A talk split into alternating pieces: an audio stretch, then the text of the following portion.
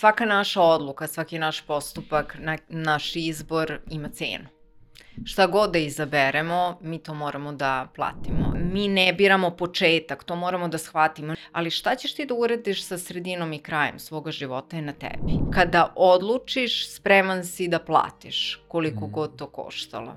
Tako da ja ne prihvatam ono skupo mi je. Skupo ti je jer nisi spreman da platiš. Ideja rada na sebi je da ti zapravo brže pališ svetlo svom mraku. Znaš, bila sam okružena ljudima koji su budili moj mrak, koji su budili ono loše u meni.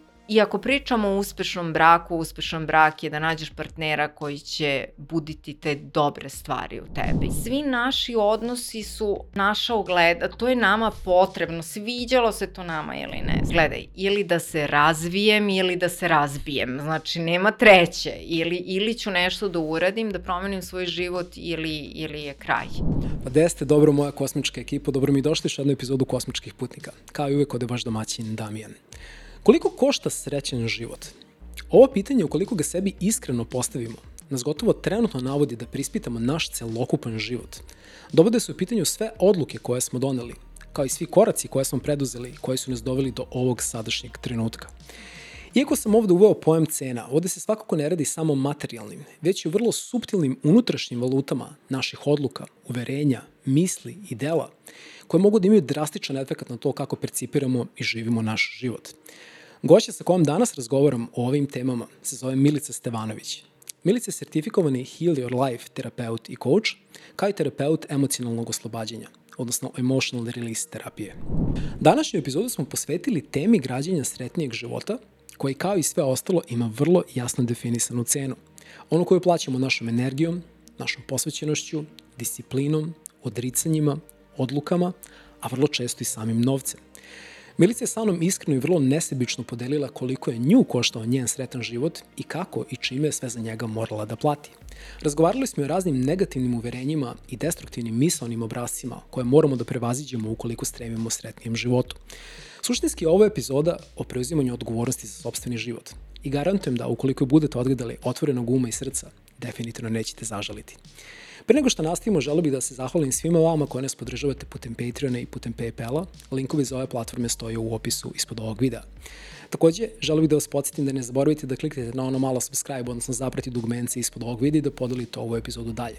To je definitivno najbolji, najjednostavniji za vas potpuno besplatan način da mene podržite da nastavim da stvaram ovi sadržaj koji potom sa vama besplatno delim.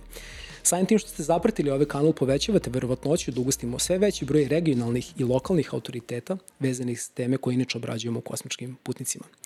Hvala vam, nastavit uživati u ovoj epizodi i vidimo se u kosmičkim putnicima.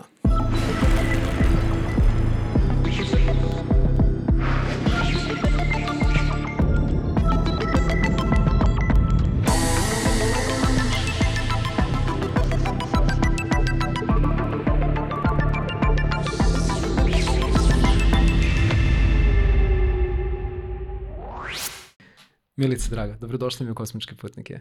Bolje te našli. Milice, kada smo se nas dvoje prvi put upoznali, kada smo potencijalno razmatrali teme za naš ovaj današnji razgovor, sećam se da smo u tom istraživanju došli do jednog zanimljivog pitanja. Koliko košta srećan život? I sećam se da kad smo ga formulisali, da sam bukvalno u roku od ono par trenutaka premotao ceo svoj život, sve svoje odluke, akcije, dela koja sam preduzeo da bi evo došao do ove pozicije, da sedim sad ovde preko puta tebi da vodim sa tobom ovaj razgovor. I kada smo pričali o tom pitanju, zapravo sam shvatio da se tu ne radi ni o kakvim materijalnim, već o tim jednim vrlo subtilnim unutrašnjim valutama naših mhm. -huh. odluka, uverenja, stavova, dela koje preduzimamo i koji drastično mogu da nam utiču na nivo i kvalitet života. Eto, pitao bih te za početak da i našu publiku malo sad uvedemo u tu temu. Šta za tebe predstavlja ta jedna cena sretnog života i na koji način je ti pristupaš sa stanovišta toga čime se baviš? Pa pričali smo o tome kako svaka naša odluka, svaki naš postupak, na, naš izbor uh, ima cenu. Šta god da izaberemo, mi to moramo da platimo. I skoro sam imala neku situaciju sa klijentkinjom koja, uh, koja je tema da između ostalog zdravi život, zdravije navike i sad ona živi u inostranstvu, Halloween, slatkiši na sve strane A, I ona kaže, jao, kao biće mi teško da, da se oduprem tome, da ne pojede.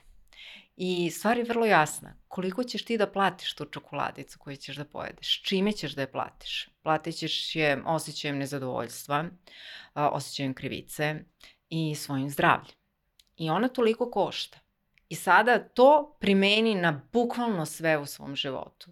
Izbor da ostaneš u lošem braku, ima svoju cenu. Bićeš nesrećna, nezadovoljna, bez ljubavi, bez poštovanja, daješ loš primer svoje deci. Sa druge strane i razvod ima svoju cenu i uopšte nije, uopšte ne kažem da je nešto bolje ili gore, samo hoću da kažem da svaki naš izbor ima cenu. Koliko je tebe koštao tvoj sretan život? Pa, a, koštao me najviše a, odnosa sa drugim ljudima mnogo ljudi je otišlo iz mog života i od mnogih ljudi sam ja otišla. A, koštao me jedne onako vrlo bolne spoznaje koliko sam u stvari ja odgovorna za svoj život. Mm to me onako, to me potpuno, ne mogu da kažem porazilo koliko iznenadilo zapravo ko je moguće da ja toliko stvari u svom životu mogu da promenim. Zamisli. I, i s, koliko loših stvari u mom životu je moja odgovornost. Loš odnos sa suprugom, a, moje nezadovoljstvo sobom, poslom kojim se bavim. A, koštalo me da napustim sve ono što sam do tada radila i da krenem iz početka. A, koštalo me da ne budem ono kao žena koja radi, gradi karijeru, nego da bude majka i domaćica, zato što sam ja u tom trenutku smatrala da mi je to potrebno da bih napravila ono put ka tom srećnom životu koji želim da živim baš kad smo razgovarali na tu temu prvi put, sećam se da sam se setio one čuvene izreke ne možeš u raj bez pokajanja. Mm -hmm. I kad je u pitanju srećan život, mislim da se ona savršeno primenjuje na taj kontekst. Posledno, recimo, kad sam posmatrao svoj život, koliko sam morao nekada upravo to da se pokajam, u smislu da se odreknem različitih i obrazaca i navika mm -hmm. i mhm. određenih načina kako funkcionišem, koji su bili destruktivni, da toga često nisam bio ni svestan. Da bih mogao da dođem yes. do tog jednog stanja, možemo da kažemo rajsko, koje počiva u svima nama. A, to je, um, recimo, vrlo zanimljivo, kad sad kad razmišljam o svom životu, jedna od cena koju sam ja morao da platim jeste bila usamljenost gde sam u nekom trenutku, posebno tokom odrastanja tinejdžerske godine, mm -hmm. početak fakultetskih dana, shvatio da ću jednostavno stvari u životu raditi malo drugačije u odnosu na moje okruženje mm -hmm. i automatski sam najviše bio na ogroman otpor i osjećao se vrlo usamljeno zato što jednostavno nisam mogao da funkcionišem više sa ljudima koji nisu razumeli to kuda ja želim da idem, ali sam kasnije vremenom, mislim sad da kažem ako bismo definisali tu cenu koju smo morali da platimo, šta je taj proizvod koji dobijemo? Pa dobijemo taj prostor da budemo ono što jesmo dobijamo prostor da možemo da damo sebi vremena i, i jedan taj ambijent u okviru kog mi možemo da nastavimo da se razvijamo i da, ta cena će nam oduzeti ljude koji potencijalno možda nikad nisu ni trebali da budu tu, ali će nam dati prostor da dođe one ljudi koji trebaju da dođu i ti ljudi su vremenom došli. Tako da, ovaj, me, tako to recimo funkcionisalo kod mene kad razmišljam o ceni. Međutim, evo recimo ti, načeli smo sa temu, ti si neko ko se um, bavi personal coachingom, odnosno ličnim mm -hmm. coachingom, obučavaš ljude da vode jedan uh, smisleniji i sretniji život. Kako bi opisala zapravo tu suštinu eto, te profesije kojom se baviš i na koji način je primenjuješ sa ljudima i njima pomažeš da vode taj jedan sretniji život? Ima jedna super e, ilustracija, dva lika sede i sad jednom je ono uh, haos moj u glavi uh, predstavljeno kao neko klupko zamršeno i drugi ono sedi preko puta njega i onako kroz razgovor mu mota to klupko onako kao ok, ajmo polako, znaš, i njemu da se razbistri ono u glavi. I to ti je coaching. To je, to je, znaš, o, o, za coaching obično ljudi kada dođu ili su zapeli u nekom delu svoga života, da li je to posao, da li je to neka preopterećenost, prosto neki osjećaj nezadovoljstva, partnerski odnos ili bilo koji drugi odnos. E, da li je to, na primjer, samo, tema samopouzdanja je, na primjer, vr, vrlo česta. Nekako osjećaju se preplavljeno, a da ni ne znaju ni, ni tačno ni gde je to sad, znaš, zapelo. To je isto vrlo, vrlo često. I onda nekako ja volim da kažem, uradimo sistematski pregled onog njegovog života i, i nekako e, kroz rad pričamo o tome kako izgleda tvoj dan. Znaš, šta je to što ti želiš u svom životu? Koliko se daješ tome što želiš? Koliko uživaš? Šta je dobro? Šta nije dobro? Šta želiš? Koji ti je cilj? Šta je potrebno da uradiš da bi ostvario uh, taj cilj? Šta ti veruješ o, o, o sebi, o tom cilju. Znaš, pa želim da imam, na primer, partnera koji će da me voli, koji će da me poštoje, neće da me vara, bla, bla. Onda, onda dođemo do toga, pa znaš šta, mislim, svi muškarci su isti. Svi mhm. muškarci varaju, znaš, to, to sam nešto i delila na društvenim mrežama. To je jedan od primera. Ili hoćemo, na primer, da kažemo, ho, e, da, vrlo često je, želim da naučim da kažem ne. A moje duboko uverenje je ja treba da služim drugima. Mm. I onda je to nemoguće. Znaš, prosto je nemoguće da ti živiš to ako veruješ u nešto potpuno drugačije. Naravno, kasnije kroz rad, kad god se otvori neki uvid o, o nekoj dubokoj traumi, o nečemu vrlo ozbiljnom, kao što je seksualno zlostavljanje, kao što je fizičko nasilje ili bilo šta tome slično, uh, uvek se u, u, uvek uputim na psihoterapiju. To je deo gde se coaching završava i inače uvek uradim kratku konsultaciju da čujem temu, uh, zato što nije svaka tema za coaching.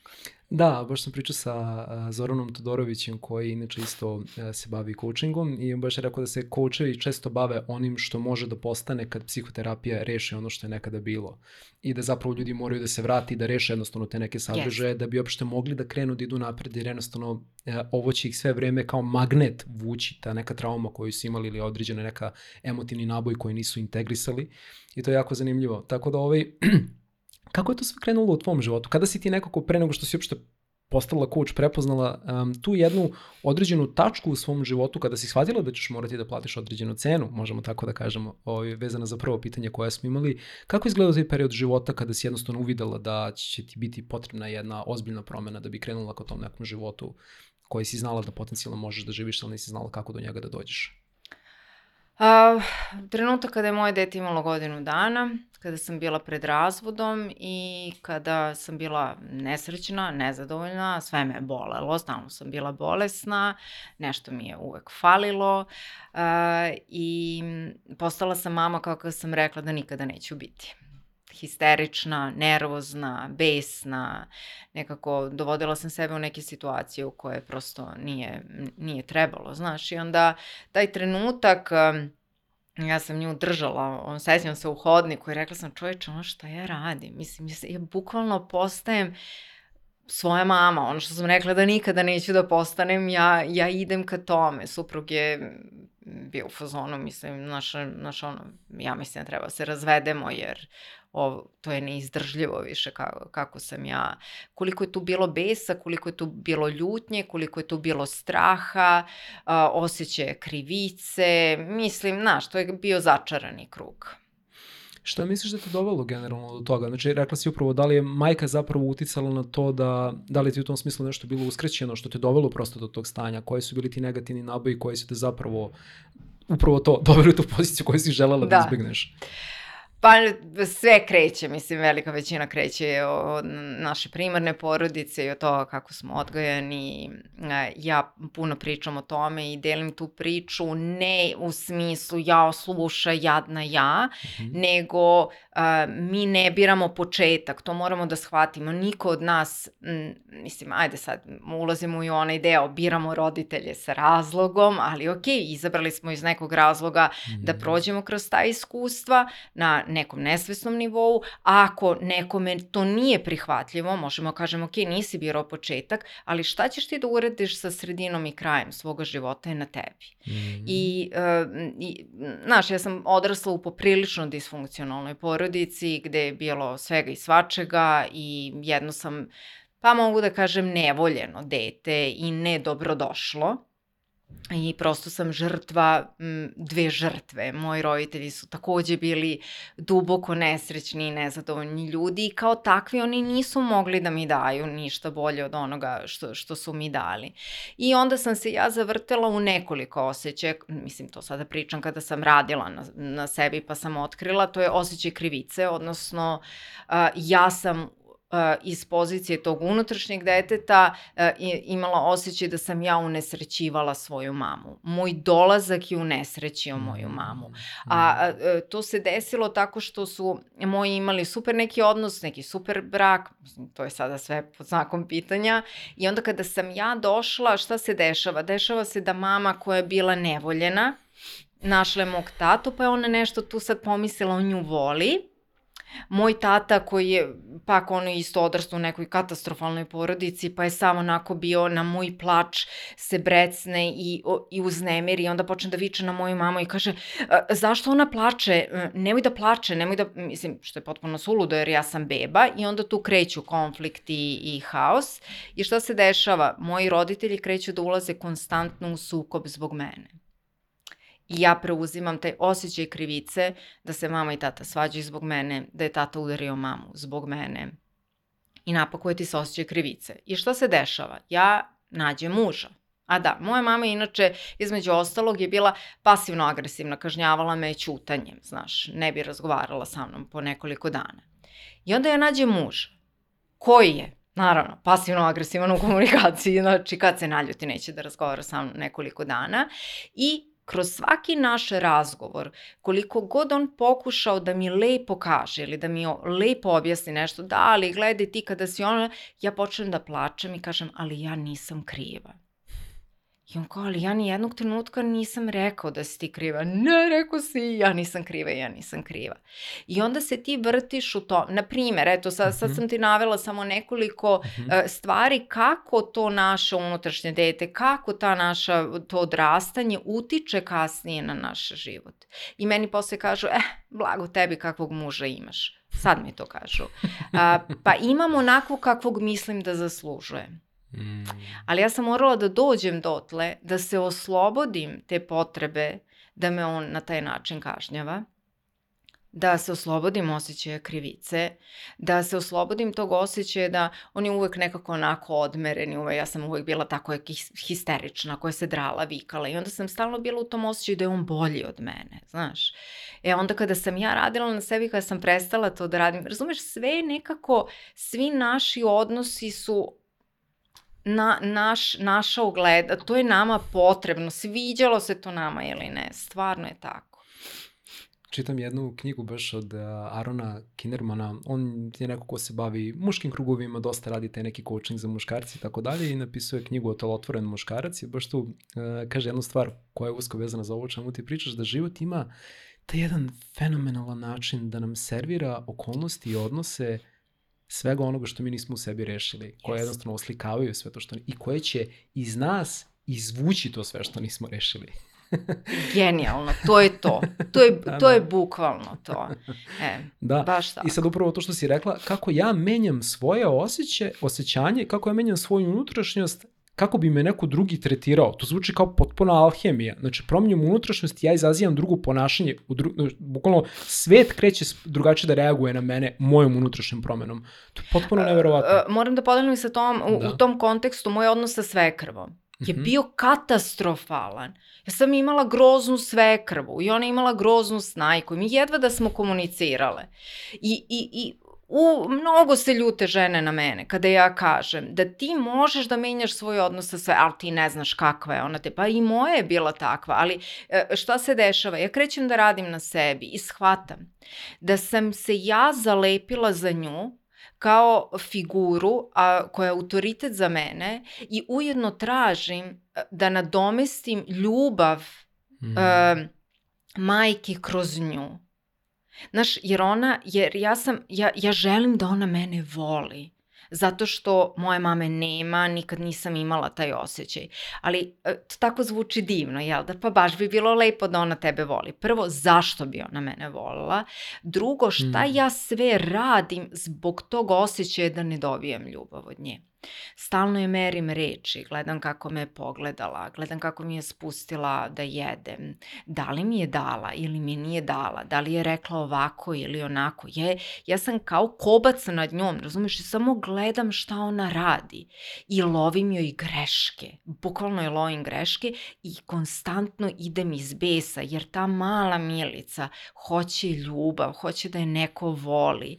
I kada je neko ne voli, ona je tužna i ona je besna i ona vri vrišti iznutra, voli me, voli me. Ona mučena žena nema ni veze šta se dešava sa mnom, razumeš? Ona misli, ona radi najbolje što ume i zna. I onda šta se dešava? Ja krećem ja, da radim na sebi i polako otpuštam to u smislu, znaš, to je taj, to je taj rad na sebi i na tom unutrašnjem detetu, ja dajem ljubav, ja, ja se oslobađam potrebe da tražim ljubav od drugih nego je dajem sebi I dešava se da ja nekako popustim, da ja kada sam sa njom da ima neke lakoće. Ja kažem, mi, hoćete kafu, hoćete ovo, ona kaže, e, može. Ja je ne gledam, aha, ili rekla može ili je rekla, ajde za pet, pa da, za pet minuta, tačno neće, sad će da ode nešto da radi i neće, znaš, nema filma, nego za pet minuta kaže, mi jeste završili, hoćemo kafu.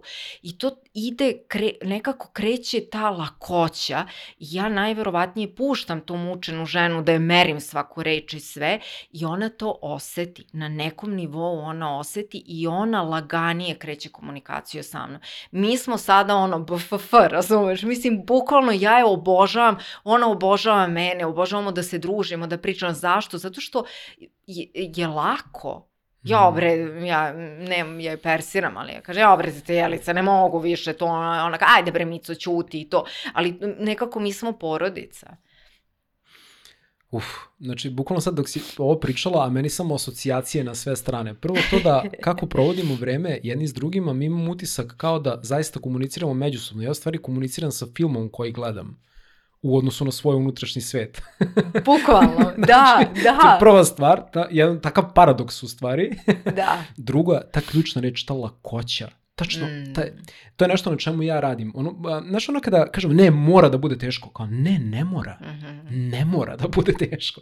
Naravno, postoji trenje u određenim situacijama, postoje neslaganja, ali ta jedna opšta teskoba na koju se ljudi naviknu kao na neku, neki ono, neki optimum po kom bi trebao da funkcioniše neki odnos i kao da, mi ćemo sad da se baždarimo na to teško i jednostavno pokušavat ćemo da rešavamo situacije kroz tu prizmu. To je potpuno, kad zapravo pomisliš, destruktivno i ne vodi nikuda.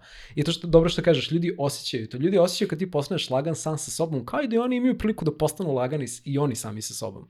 E, Pritom mislim da je mnogo važno da sada to ne bude ono kao a, jao, kod mene je sve lagano i ja idem. Ne, moje sakrave ja se raspravljamo, razumeš, posvađamo se Da, bre. Ja kažem zašto Da, ste da, to, ona da, kaže da. ajde ćuti i to, ali ne zadržavamo se u tome, to Upravo. teče. Ja se sa svojim mužem Protok, posvađam. Da, da, da. Ja se, naravno da se posvađam sa njim, ali nema da ja njemu tri dana kroz zube, znaš i to, ili da on neće čuti, nego je to, da, da, da, da, da, o, o, pijemo kafu, aj, pijemo kafu. Mislim, znaš, nekako ide, protok, idemo, ne zadržavamo se, nema, nema te gorčine, nema te ozlojeđenosti, nema da ja, ja znam da je to nešto moje i da je to nešto njegovo. Ako se on brecnuo na mene, ne provocira me to kao što me provociralo. Jest. Upravo zato što si rekla, ta laganost nekako implicira protočnost.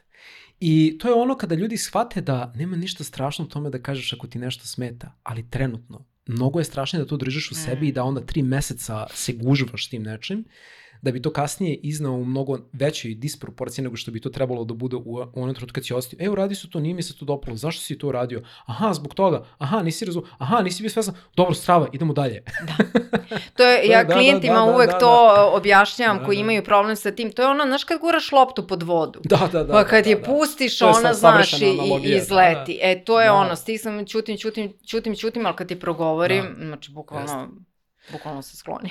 Strah, strah, strah leži u svemu tome. Ljudi se plaše šta će da bude ako budem iskomunicirao svoje potrebe. Šta će da bude, jednostavno. A sve jedno ulaze u konflikt. Kao, to opet je jedan paradoks. Ne plašiš se konflikta koji te neminovno očekuje, ali se plašiš da kažeš to što zaista osjećaš u trenutku kada bi to zaista trebalo da kažeš. Ili da se vratimo na našu Da. temu, a to je plaćaš cenu.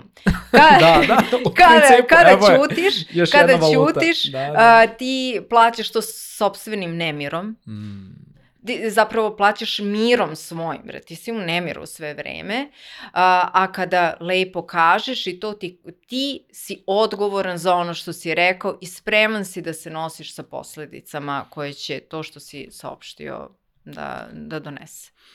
Vrati me sad ponovo u taj period života, dakle kada stojiš sa čerkom u naručju i kada shvataš da postaješ sve to što si želela da ne postaneš, da si pred razvodom, da ti se jednostavno život u tom smislu osjećaš da, da će da se raspade nekako oko tebe. Šta je bio prvi korak? Šta kreće da ti pomaže na tom putu? Eto, kad pričamo već sad i o tom radu na sebi. Pa ništa, otišla sam na Google i ukucala ono kao šta da radim. Od prilike i I izašao mi je, izašao mi je Marina Mlinarić, homeopata, coach i emotional release. Ja kažem, ja, emotional release. Emocionalno oslobađanje, da, za da, koja da. I ja rekao, daj da se oslobodim kad bi neko mogao nešto da uradi s ovim mojim besom i ljutnjom i strahom i, i svime što me je preplavilo. I uh, taj trenutak uh, kada odlučiš, to je ono, kada odlučiš, spreman si da platiš koliko mm. god to koštalo. Tako da ja ne prihvatam ono skupo mi je. Skupo ti je jer nisi spreman da platiš. Bravo, tako je. I ja sam pozvala, cene u to vreme pre 15 godina bila 50 eura. Ja sam bila u fazonu kuku majko, nama se svašta umeđu vremenu izdešavalo, mi smo se vratili iz Australije, te ne daju tamo onako potpuno je propalo sva naša ulaganja. I, ovaj, da, ali bitno, ovaj vi ste imali zapravo jedan razvijen biznis koji se u tom smislu... Ovaj, pa da, ali kasnije. smo se vratili u Srbiju da, da. i to onako, baš je bio neki finansijski sunovrat i ja doslovno uzimam poslednjih 50 eura iz kuće, jer gledaj, ili da se razvijem ili da se razbijem, znači nema treće, ili, ili ću nešto da uradim, da promenim svoj život ili, ili je kraj. I ja odlazim kod nje i to je taj početak uh, mog rada i ja sam se dugo posle lomila kada mi neko traži pomoć i to pa kao znaš kakav si to čovjek treba, tražiš da se plati.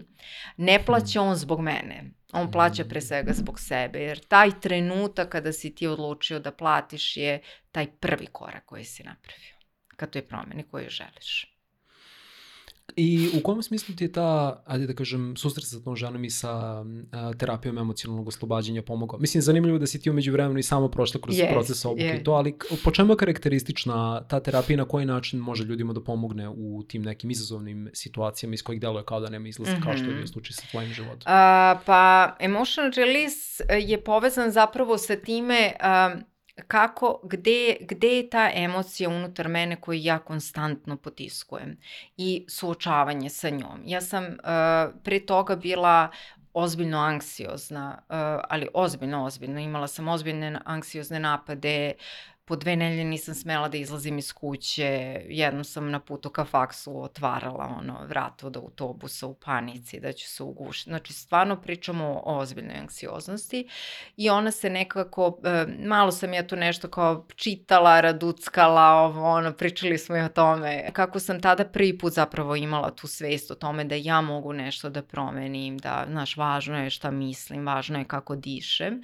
ali to je nekako ostalo opet vraćalo se kao, kao neki repovi za mnom. I onda mm -hmm. taj emotional release, sećam se kada sam prvi put ono uh, radila temu straha, uh, ona ga je oživela skroz i rekla je gde je, oseti ga, hmm. vidi ga i vratila me u trenutak kada se taj strah prvi put javio. Gde je bio lociran? Šta je bilo? Šta je bilo pitanje? A, bila sam jako mala da? a, i a, tata moj se napio, došao je kući i pao je koliko je bio pijan. I taj trenutak, mama i ja nismo znale, bile smo u drugoj prostori kada smo došli, mi smo mislili, naš, da, da se srušio, ne, ne znam, mi, naš, kad si mali misliš, pao tata pa umro, to ti je to. I znam da je mama počela da vrišti i da ga zove i ja sam pritačala i to je bio trenutak kada sam pomislila da je tata umro.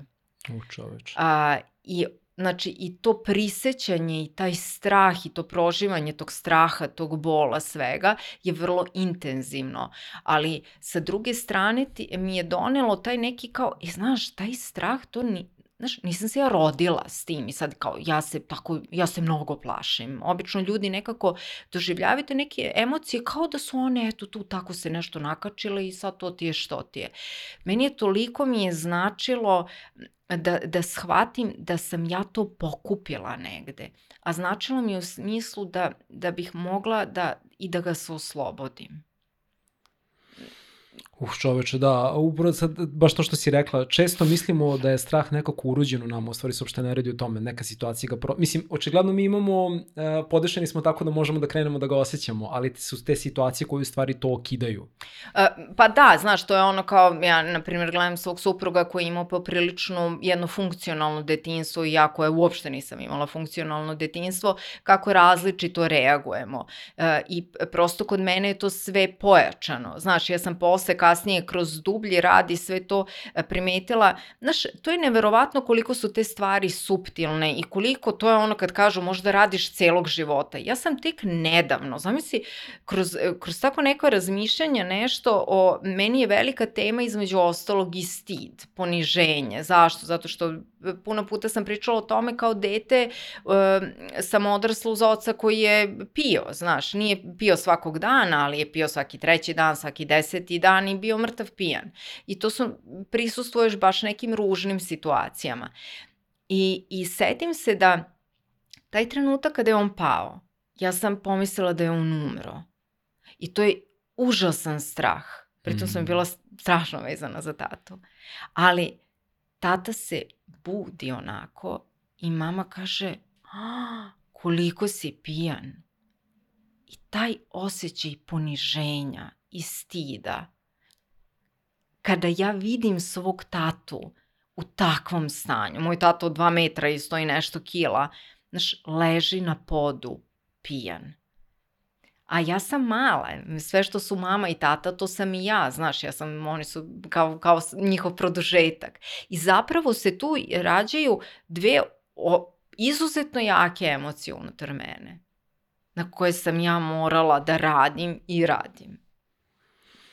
I kako se te emocije integrišu u stvari? Kako radimo sa njima? U smislu kad ih osvestimo da tu su, šta je sledeći korak? Jer to mi je uvek delovalo kao ta neka alhemija, znači to je nešto što je nama negde zabeleženo, jel? Da, da. I mi sad kao postanemo toga svesni, ali ko šta onda? E, a, obično ljudi, mislim, to je moj neki stav, moje iskustvo da. i kroz svoj rad na sebi i uh, u radu sa drugim ljudima. Mi bi sad mnogo volili da toga više nema, znaš, ali to ne, ja ne mogu da, da se napravim da se to nije dogodilo. Šta ja mogu da uradim? Ja mogu da radim na svojim uverenjima, na svojim emocijama, na radu sa malom milicom. Ja kao odrasla milica, sa svojom podsvešću.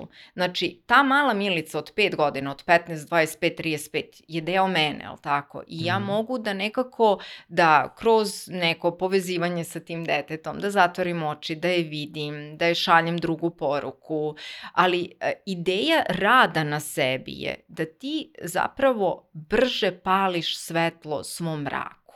Da ti Uh, mnogo mi se sviđa ova definicija. da ti nekako, da, da. Uh, znaš, um, ja treba da dođem kod tebe, da snimamo ovo. Ja nisam osoba koja će kum, to ono, kaficu, idemo, znaš, ne, meni uvek, ja uvek izlazim iz sezone komfora. Ali šta ja uradim? Ok, nije mi sve jedno, znam zašto ja znam koje su moje rane, ja znam svoj mrak. I, I vidim ga, upalim svetlo i kažem, ok, vidim, znam, ali idemo polako.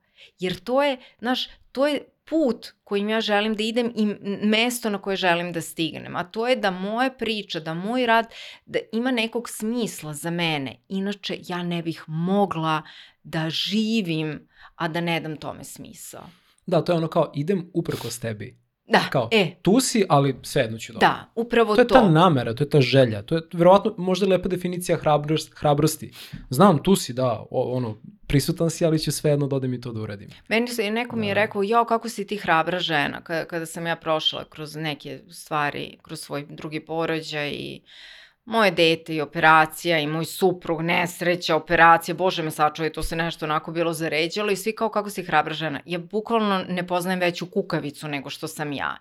A, ali nekako, znaš, hrabrost je ti ideš uprko strahu koji osjećaš. A ljudi hoće da im se posloži sve u životu, pa će oni da idu negde. Ma ne, ne može tako, jer to kakva ja Milica želim da budem napravit će me tako što ću doći na ovaj podcast. Tako što ću se osnažiti još malo. Pa ću otići u neku emisiju. Pa ću za još mrvicu da se osnažim. Taj put mene pravi da budem onako kakva želim, kakva želim da postane. Apsolutno isto i u, moj, u, mo, u mom slučaju gde moram da pozovem sve te ljude da ih ugostim I, i da jednostavno ovaj držim prostor svim tim ljudima što uopšte negde ono nije lako i nije izazovno i upravo to kad ljudi kažu pa da eto samo si seo, palio si kamer mm -hmm. i mhm. pričaš A jednostavno upravo to, ja uvek imam taj moment, da, li, da, li, sam ja sposoban da pričam s ovim ljudima? Kao, uvek, uvek ima taj moment, taj, taj sumnji strah, da. da li će biti dovoljno kompetentan, da li će jednostavno imati, znaš, da, da li će prosto njima biti zanimljivo sa mnom da pričaju, ali ću svejedno da probam to da uradim, jer dosta učimo sebi u tom procesu.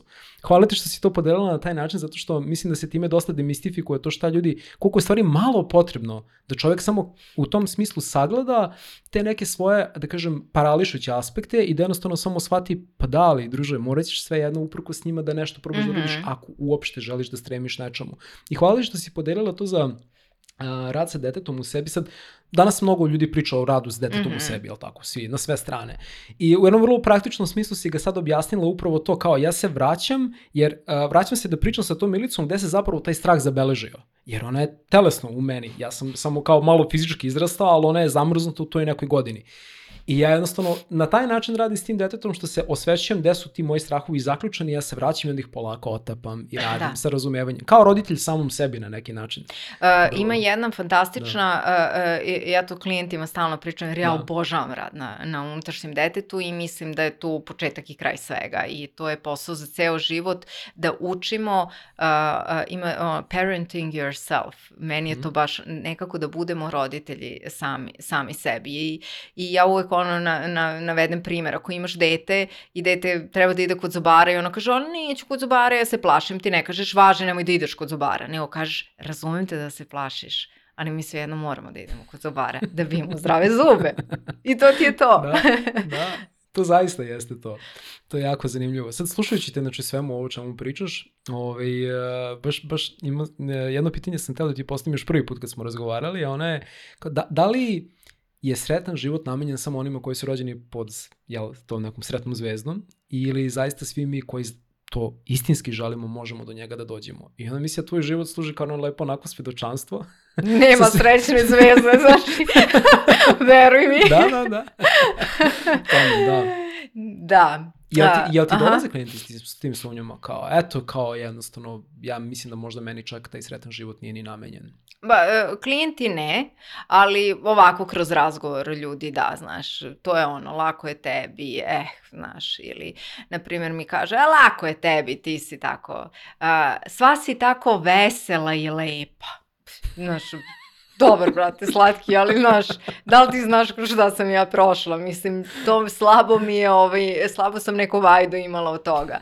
Um, težak život, stvarno, mislim, postoje mnogo strašnije priče, nećemo uopšte sada da merimo če je priča uh, teža i mislim da je ključno, uh, to, to isto vrlo često volim da kažem, nije bitno kakva ti je priča, nego šta si ti sa tom pričom napravio i uradio.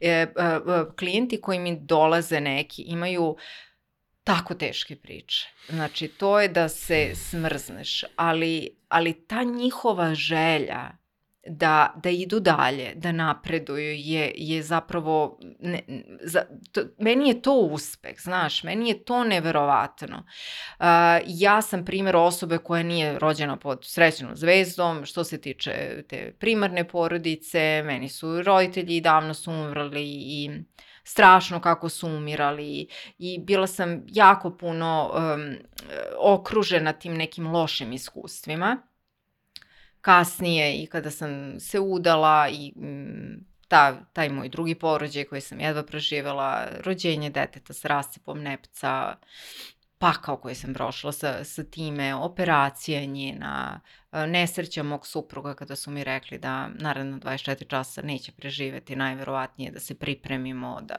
znaš, i to, i onda su to neke situacije nisu prelepe, znaš, ali šta te čupa iz tih situacija je, šta je mene čupalo, prvo sam se raspadala, odmah da se razumemo. Znači, ta priča, a, ne znam, muž mi je u bolnici, a ja sam ovamo i kao znam da će biti sve u redu, je, mislim, ljudi, bre, ono, muž će možda mi umre, imam dvoje male dece. Naravno Goli se, život, što bi Baš to, znači, da, da. plačem, da. kukam, raspadam se i razmišljam, čovječe, šta ću da radim? Čovječ, znaš, ono, šta ću da radim. A, ali važno je da, znaš šta se desi kada nam se završi neko loše iskustvo? Mi nastavljamo da pričamo o njemu kao da ono i, tr i dalje traje. Mm. Znači, tu mi oživljavamo tu priču i oživljavamo, mi bukvalno ono, e, ja, ja se sećam kada je moja uh, Andreja rođena s rasepom nepce i završila se operacije. Ja hvatam sebe u situaciju da ja pričam o tome da mene ljudi pitaju, pa je li ona sad dobro? Ja kažem, ma ne jeste dobro, nego... Ja kažem, čekaj bre, šta radiš ti to čoveče? Mm -hmm. Znaš, to je taj trenutak gde sam ja neprestano oživljavala taj bol i neprestano, neprestano, znači mi ne završimo priču. Događaj se završi, ali je on živ u nama. E, to je trenutak kad treba da staneš i da kažeš, ok, desilo se, šta ću ja da uradim sa tim? Šta ću ja da uradim sa tim? Ili ću da, ili ću da, da ne znam, da nastavljam da se maltretiram time, tim osjećajem krivice, bola, da sam ja kriva što sam je takvo rodila, ili ću da promenim priču. I ja sam svoju priču promenila. Meni je prijateljica rekla, a šta ako te ona s razlogom izabrala, ja sam je hranila svojim mlekom, ne pitajte kako, to, su, to je ono šest meseci i ona je bila stalno zdrava i ona je rekla, a šta ako ona tebi izabrala, jer je bilo u fazonu, ova luda žena će da uradi sve da ja budem zdrava i ja ću kod nje da dođem. To automatski znači da sam ja ono faca, skroz genijalna mama, najbolja na svetu i da nisam kriva. Je li to istina? Ne znam da li je istina, jer meni služi, služi, tako da sam ja u tu istinu poverovala. E, razmišljam o tom jednom popularnom trendu, to ono kao kakvi su ti misli, takav ti život, o kom svi stalno pričaju, da kao samo imaj pozitivne misli, onda će krenuti život da ti bude bolje. Kako generalno gledaš na to? To mi deluje da može da ima jednu vrlo opasnu stranu, da jednostavno ljudi mogu da uđu u te jedne vrtloge i da zapravo ne znaju ni zašto su u njih ušli pratići recimo takve trendove. Kako ti gledaš na to? Um, Meni se dogodilo kada mi je suprug imao nesreću e, motorom, pre toga je prethodilo isto nekoliko vrlo teških e, perioda u mom životu i nekih teških događaja, da mi jedna osoba rekla, pa mislim, to je posledica tvojih misli, kao to što mi se dogodilo u životu. I veruj mi da je, da da u tom trenutku već da nisam bila u već nekom periodu rada na sebi i da nisam imala tu snagu, mene bi to uništilo. U kom smislu? A, pa u smislu, znaš da sam ja apsolutno kriva za sve što mi se u životu dešava, da, da uh, rođenje mog deteta ili moj jedva preživljeni porođaj ili nesreća mog muža, da sam ja to manifestovala, izvibrirala ili kako god mi to rekli. Ljudi, život se dešava. Dese nam se stvari. Iz nekog dubokog razloga se, život se dešava i mi ne možemo i ne trebamo sve da kontrolišemo. Znaš, nije, nije realno da si ti non stop super. Mislim, realno je ako si na drogama. Ja ne znam koja je druga situacija u kojoj ćeš ti stalno da budeš ushićen i fenomenalan i da ti misliš da ako si ti što fenomenalniji, to će život da ti bude fenomenalni i nikada ništa loše neće da se desi, jer će se desiti. A kada se to bude desilo, tebe niko neće moći da sastavi koliko ćeš da se raspadneš. Život se, znaš, dešavaju se situacije. I naj, šta je rad na sebi? Rad na sebi je šta ću ja da uradim sa tim što mi se dogodilo. Kakve su ti misli, takav ti je život. Istina. Dogodila se nesreća. Kakve će moje misli biti o tom događaju? Hoću li ja reći, eto, ja sam prokleta, jadna, meni samo neke nesreće? Ili ću reći, okay, i moj život će, jel te, biti uloga žrtve, negative, da, nesreće, ja sam taj koji manifestuje tu nesreću. mučena, da, ja, da. eto, moj život je patnja, nesreća. Ili ću reći, ok, dogodilo se to, koje su moje lekcije iz ovog događaja, šta ja treba da naučim iz ovoga. Moj suprug je imao izuzetno velike lekcije i, i, posle te nesreće. Šta je on trebao da nauči? To je ono kakve su ti misli, takav ti je život. A ne da ja stalno treba da budem ushićena, srećna i da je sve tako božanstveno i ja sam božanstvena zato što, znaš, ti nisi normalan ako si u tom fazonu. Meni, kada vidim ne, nekome se desi nešto strašno loše, samo osmeh na lice. Gospode Bože, znači, jesi normalan? Kako, kako osmeh na lice za ženu koja trenutno prolazi kroz nešto toliko teško. Mislim, žena vodi dete na operaciju, samo osmeh na lice. Ko zna zašto je to dobro? Ne, to je trenutak plači. Prihvati slabost, prihvati da je teško, jeste teško, a kada se to završi, onda ćemo da vidimo kako ćemo da se izvučemo iz ovoga. I to je to. To je, znaš, jako, o, o, ovo sada što kao e, se toliko forsira da ti trebaš stalno da budeš super i da stalno super misliš, znaš, ne, pogrešno se shvata. Važno je kako ćeš da misliš kada se to nešto dogodi i kada ti treba da se izvučeš iz toga, da izvučeš lekciju iz iskustva, da nastaviš dalje, da, da ono nekako na taj događaš, događaj ne gledaš kao joj idem sada da se ubijem što mi se to desilo, nego daj da vidim šta iz ovoga mogu da naučim.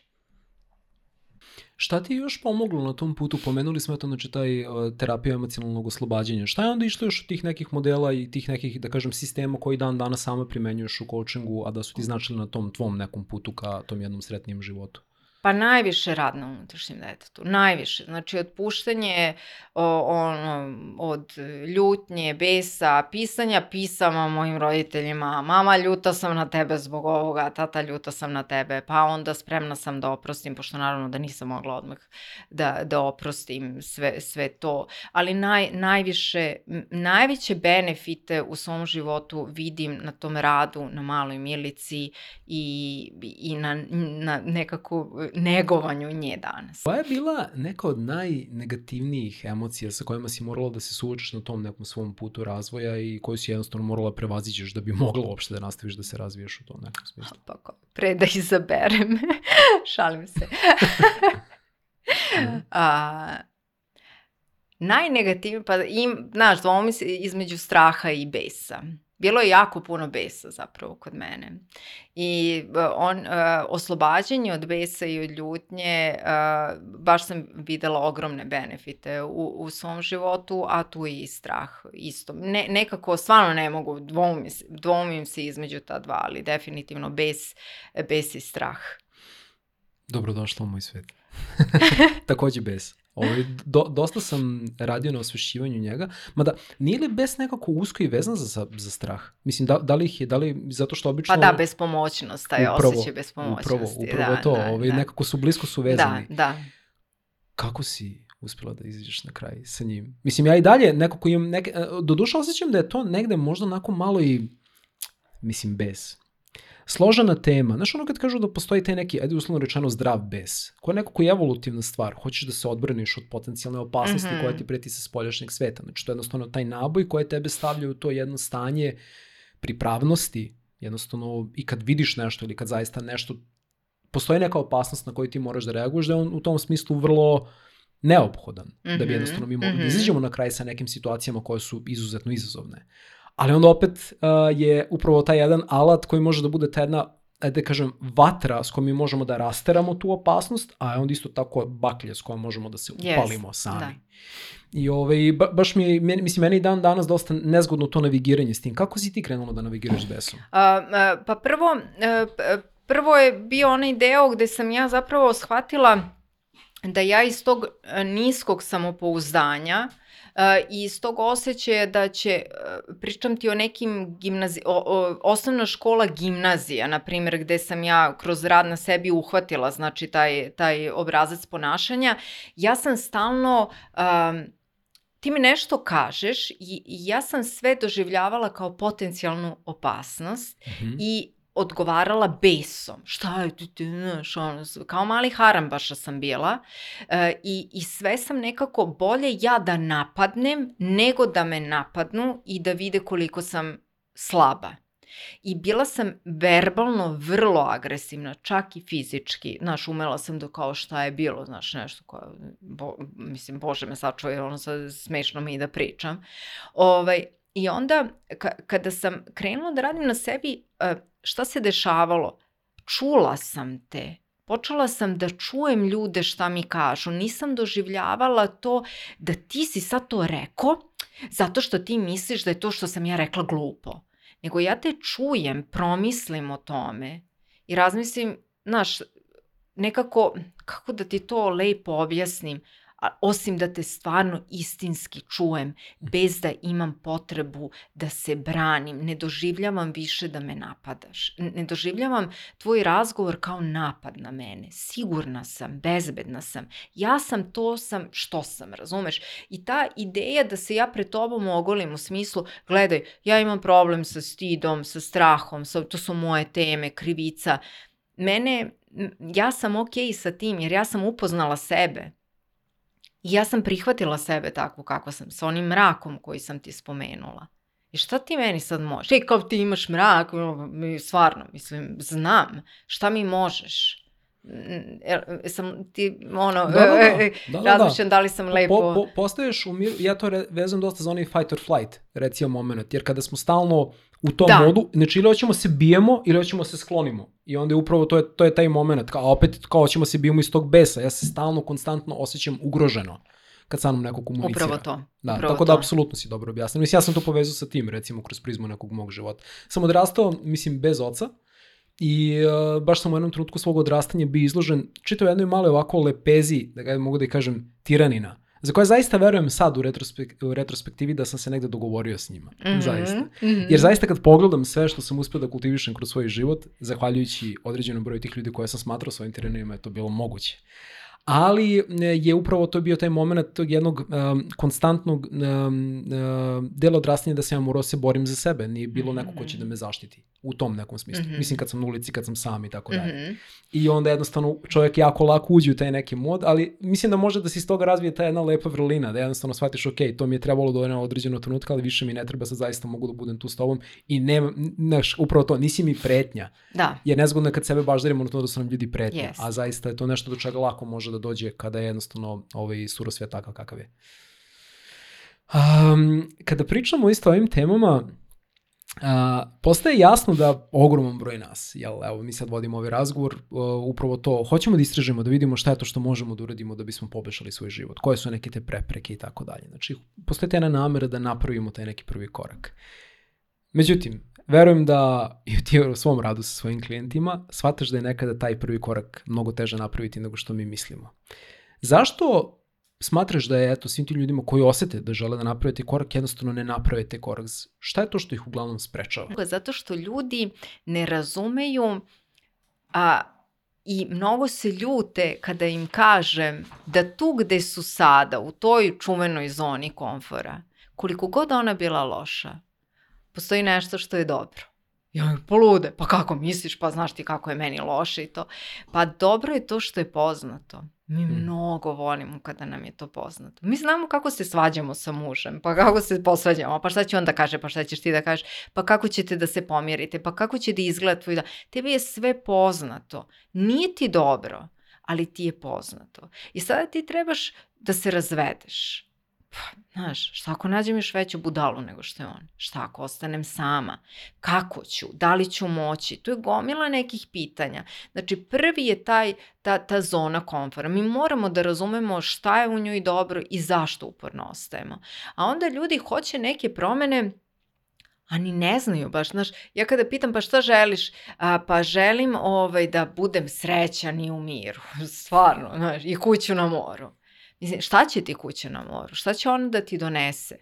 Znaš, ko, ko jasan cilj. Mi nemamo jasnoću u nečemu zašto to želimo.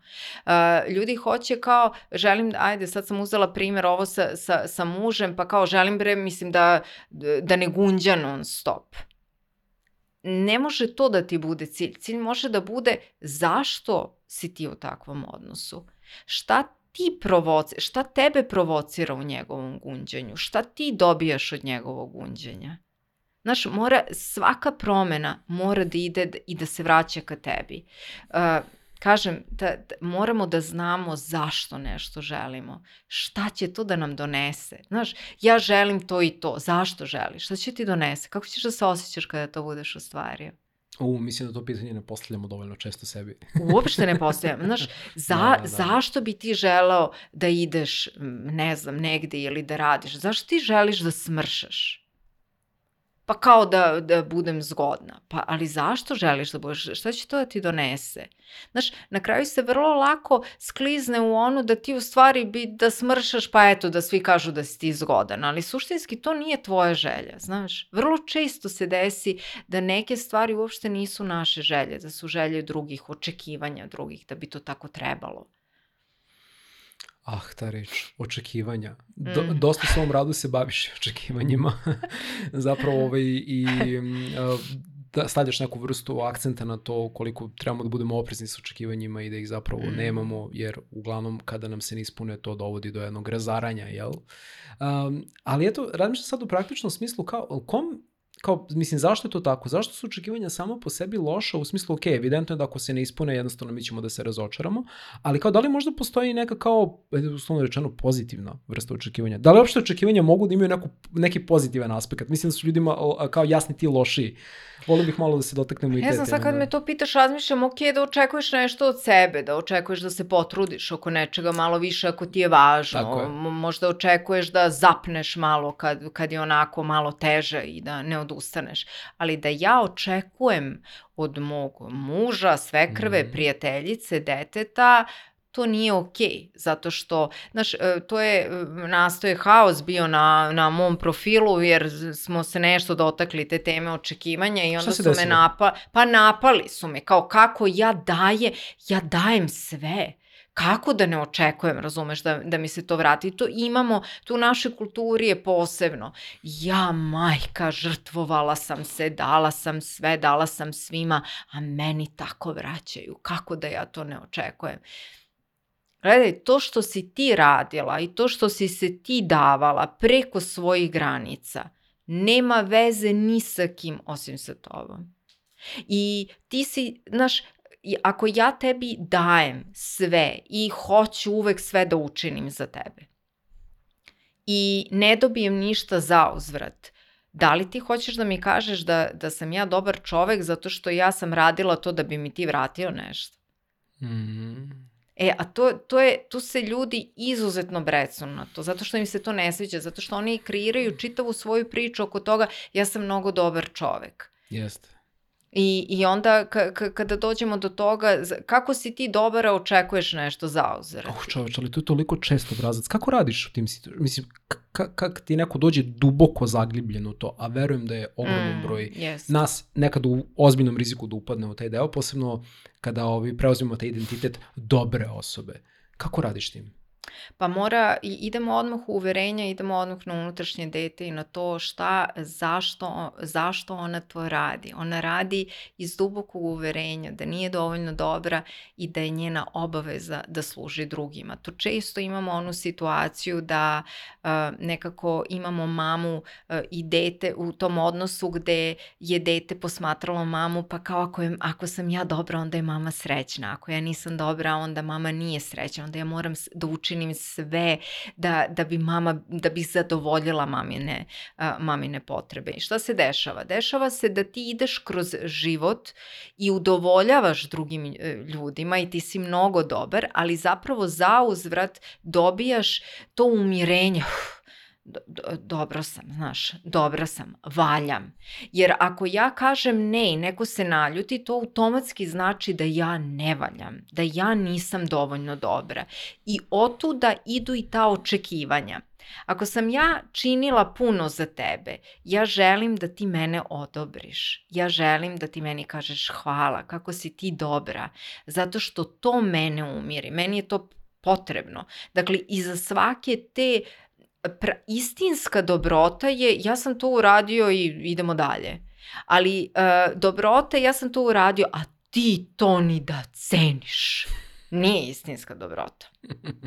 to je uslovna dobrota. To je uslovna. Znači uslovna ti ljubav? hoćeš, Upravo. ti zapravo tražiš za uzvrat potvrdu da ti vrediš, da si ti dobar. Jer ti iznutra to ne osjećaš. I dešava se kada radim uh, coaching, obično je tema to kako da kažem ne.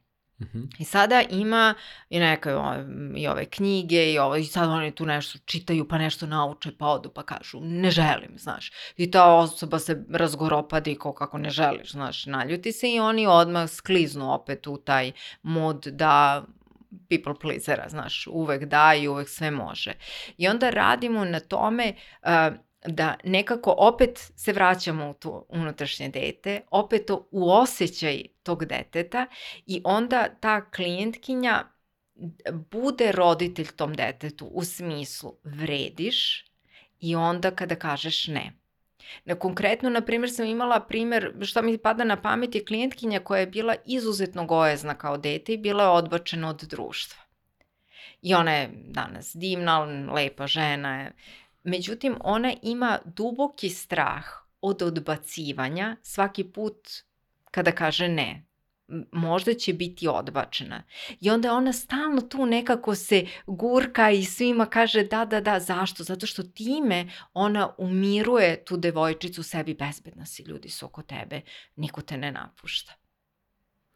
A opet to naš kao reći ne, ako dolazi iz tog jednog straha od odbacivanja, deluje kao toliko duboko, instinktivno ukorenjena stvar u nama, jer je biti odbačen od strane društva značilo smrt. Da tokom da. ogromnog dela istorije. I kao delo je da je to onako, upravo to, mislim da baš čovjek mora, posebno neko ko je duboko u tome, da uloži ogroman napor, da osvesti kao bit će okej, okay, neću, ne, kao, neću umreti. Mislim da je dosta i telesno, taj strah koji je nekako od samog tog odbijanja može prosto da dođe. Tako da ovaj, meni to, e, kada sam pričao s nekim ljudima koji su imali te probleme, mi je delovalo upravo da je bilo, da je mno, mnogo dublje nego bilo šta što se tiče kognicije.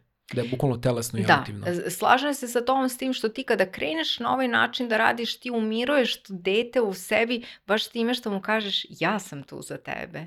Mm. I dobijaš taj osjećaj da nekako nisi sam, da imaš na koga da se osloniš. I onda, znaš, to imam i u primjerima žena koje su u nesrećnom braku. Ona je deset puta usamljenija u tom nesrećnom braku nego kada iz tog braka izađe. Ona se bukvalno vrati sebi. Ti se svaki put Kada si rekao da, umesto ne, izgubio deo sebe.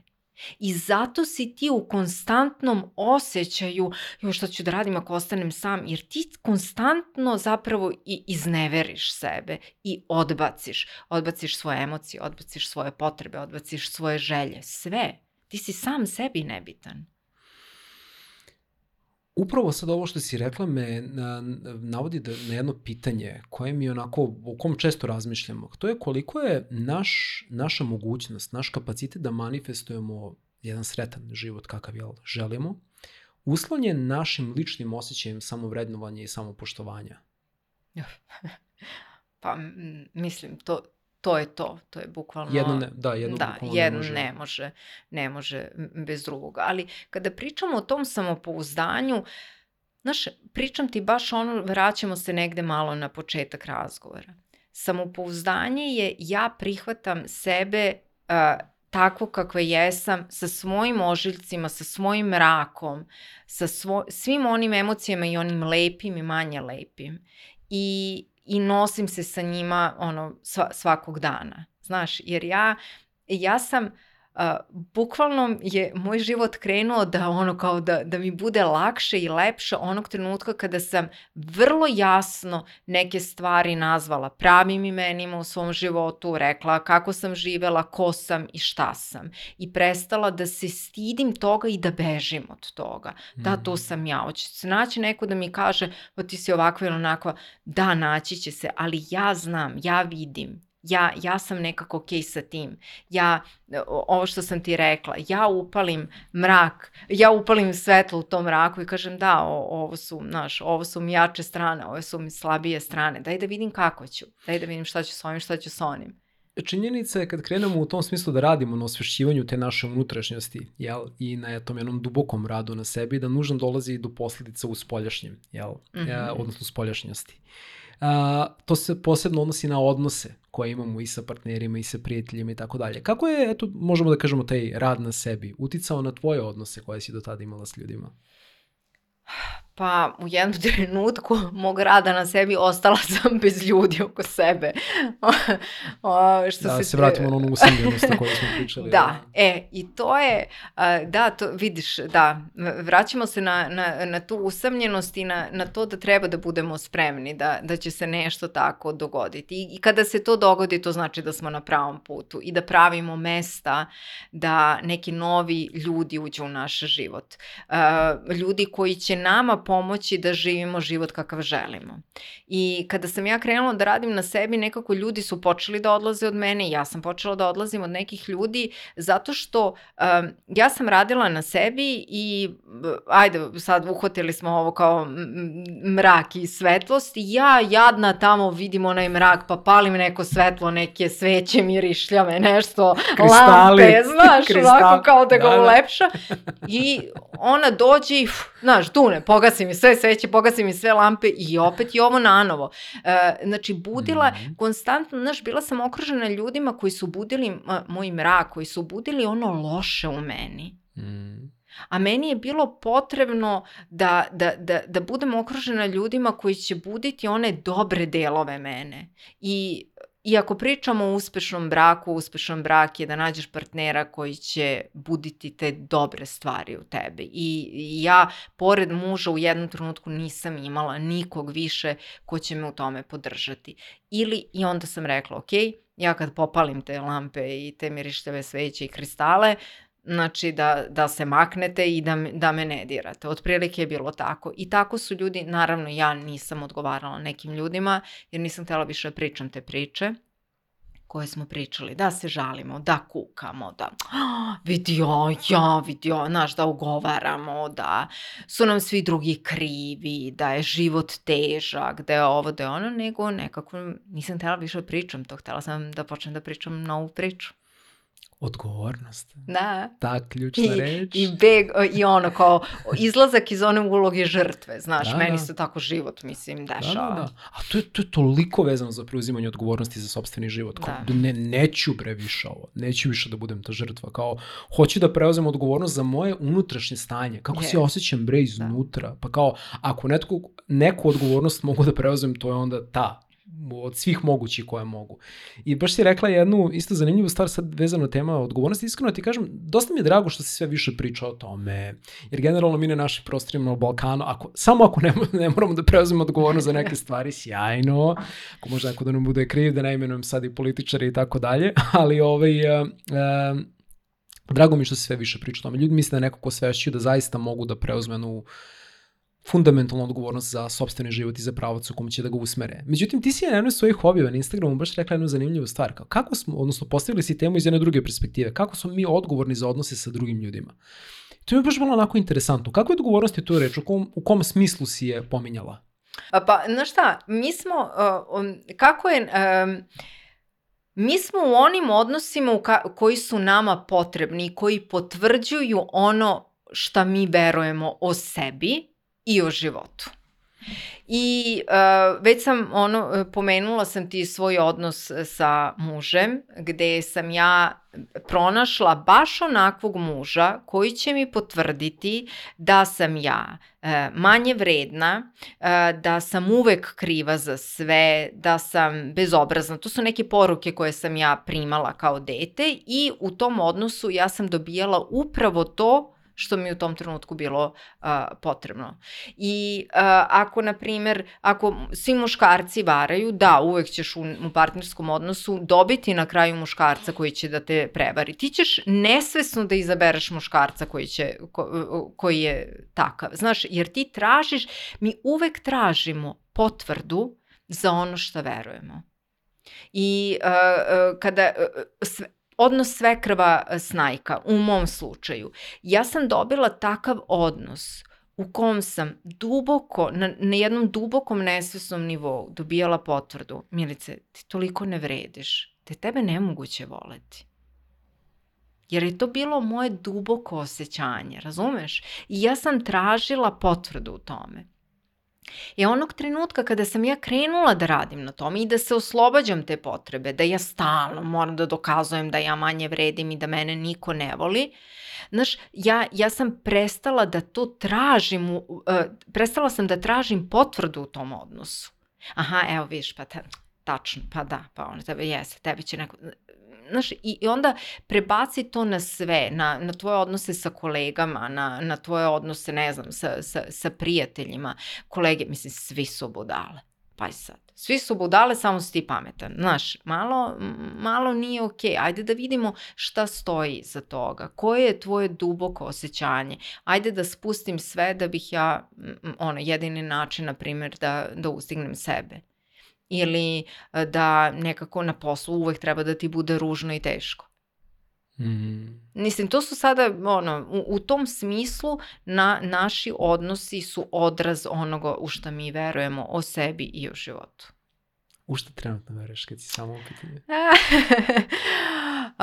pa trenutno verujem da da sam potpuna carica i kraljica, s obzirom na to gde sam bila i gde sam sada.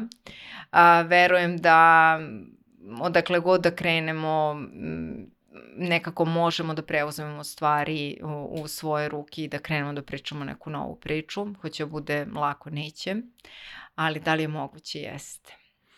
Evo, ja ću sad kao dokaz toga što si rekla, ti dam potvrdu. Da, jesi. Hvala. Evo, uh, hteo sam, uh, eto, kao jedno zatvaranje ove naše današnje razmene, da ti postavim još jedno pitanje.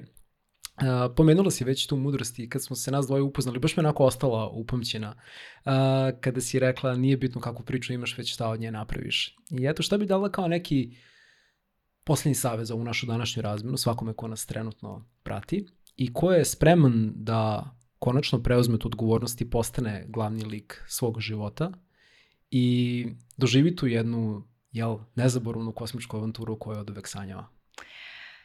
Pa, da radi na sebi, ali kako? A, tako što ne da gleda samo podcaste i da čita knjige, jer mi hoćemo od našeg života, znaš imaš baštu, I sad mi svi hoćemo da imamo mnogo lepu i travu i cveće e, i sada ljudi koji samo uporno slušaju nešto, a ne rade e, na sebi konkretno, oni uporno kupuju ono seme i one saksije i to sade i proguta onaj korev i one bubice ih napadnu i znaš i to, to im se stalno suši i, i propada. A kada kreneš da radiš na sebi onako istinski sa nekim, ti u stvari dođeš pa ti malo vidiš kakva ti je situacija, pa vidiš taj korov, pa ga malo počupaš, znaš, to su ona uverenja, to su one emocije koje nam ne služe. Pa tek onda kada to malo ono ras, rasčiš, rasčistiš, e onda uzmeš pa kreneš da sadiš cveće i da ga neguješ i da učiš da, da se brineš o njemu. I to je ono, nekada će neki insekt da ga napadne, neki korov će da se promoli, ali ti ćeš znati gde je, pa ćeš umeti da, da ga neguješ, da ga čupneš i da nekako promeniš to svoju baštu, promeniš tu svoju priču. Mnogo mi se dopala ova analogija sa baštom, definitivno će primjenjivati. Odem nekada kod tetke ovaj, na njenoj imanju u Zrenjaninu i tamo ovi, uh, malo okopavam paradajz, paprike i tako dalje. Nije, ovaj, nije znaš ti kakav sam nije... ja poljoprivrednik, znači ne možeš da mi priđeš, samo da znaš. E, e, do, dobra ideja za najavu, najavit ću te kao ovaj poljo, poljo, poljo, poljoprivrednog molim, eksperta. molim te, znači, ono, doba uh, pandemije, da?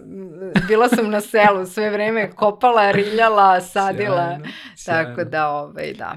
Milice, hvala ti puno na svemu što si podelila. Hvala ti na iskrenosti i na otvorenosti. Nije lako pričati o ovim stvarima.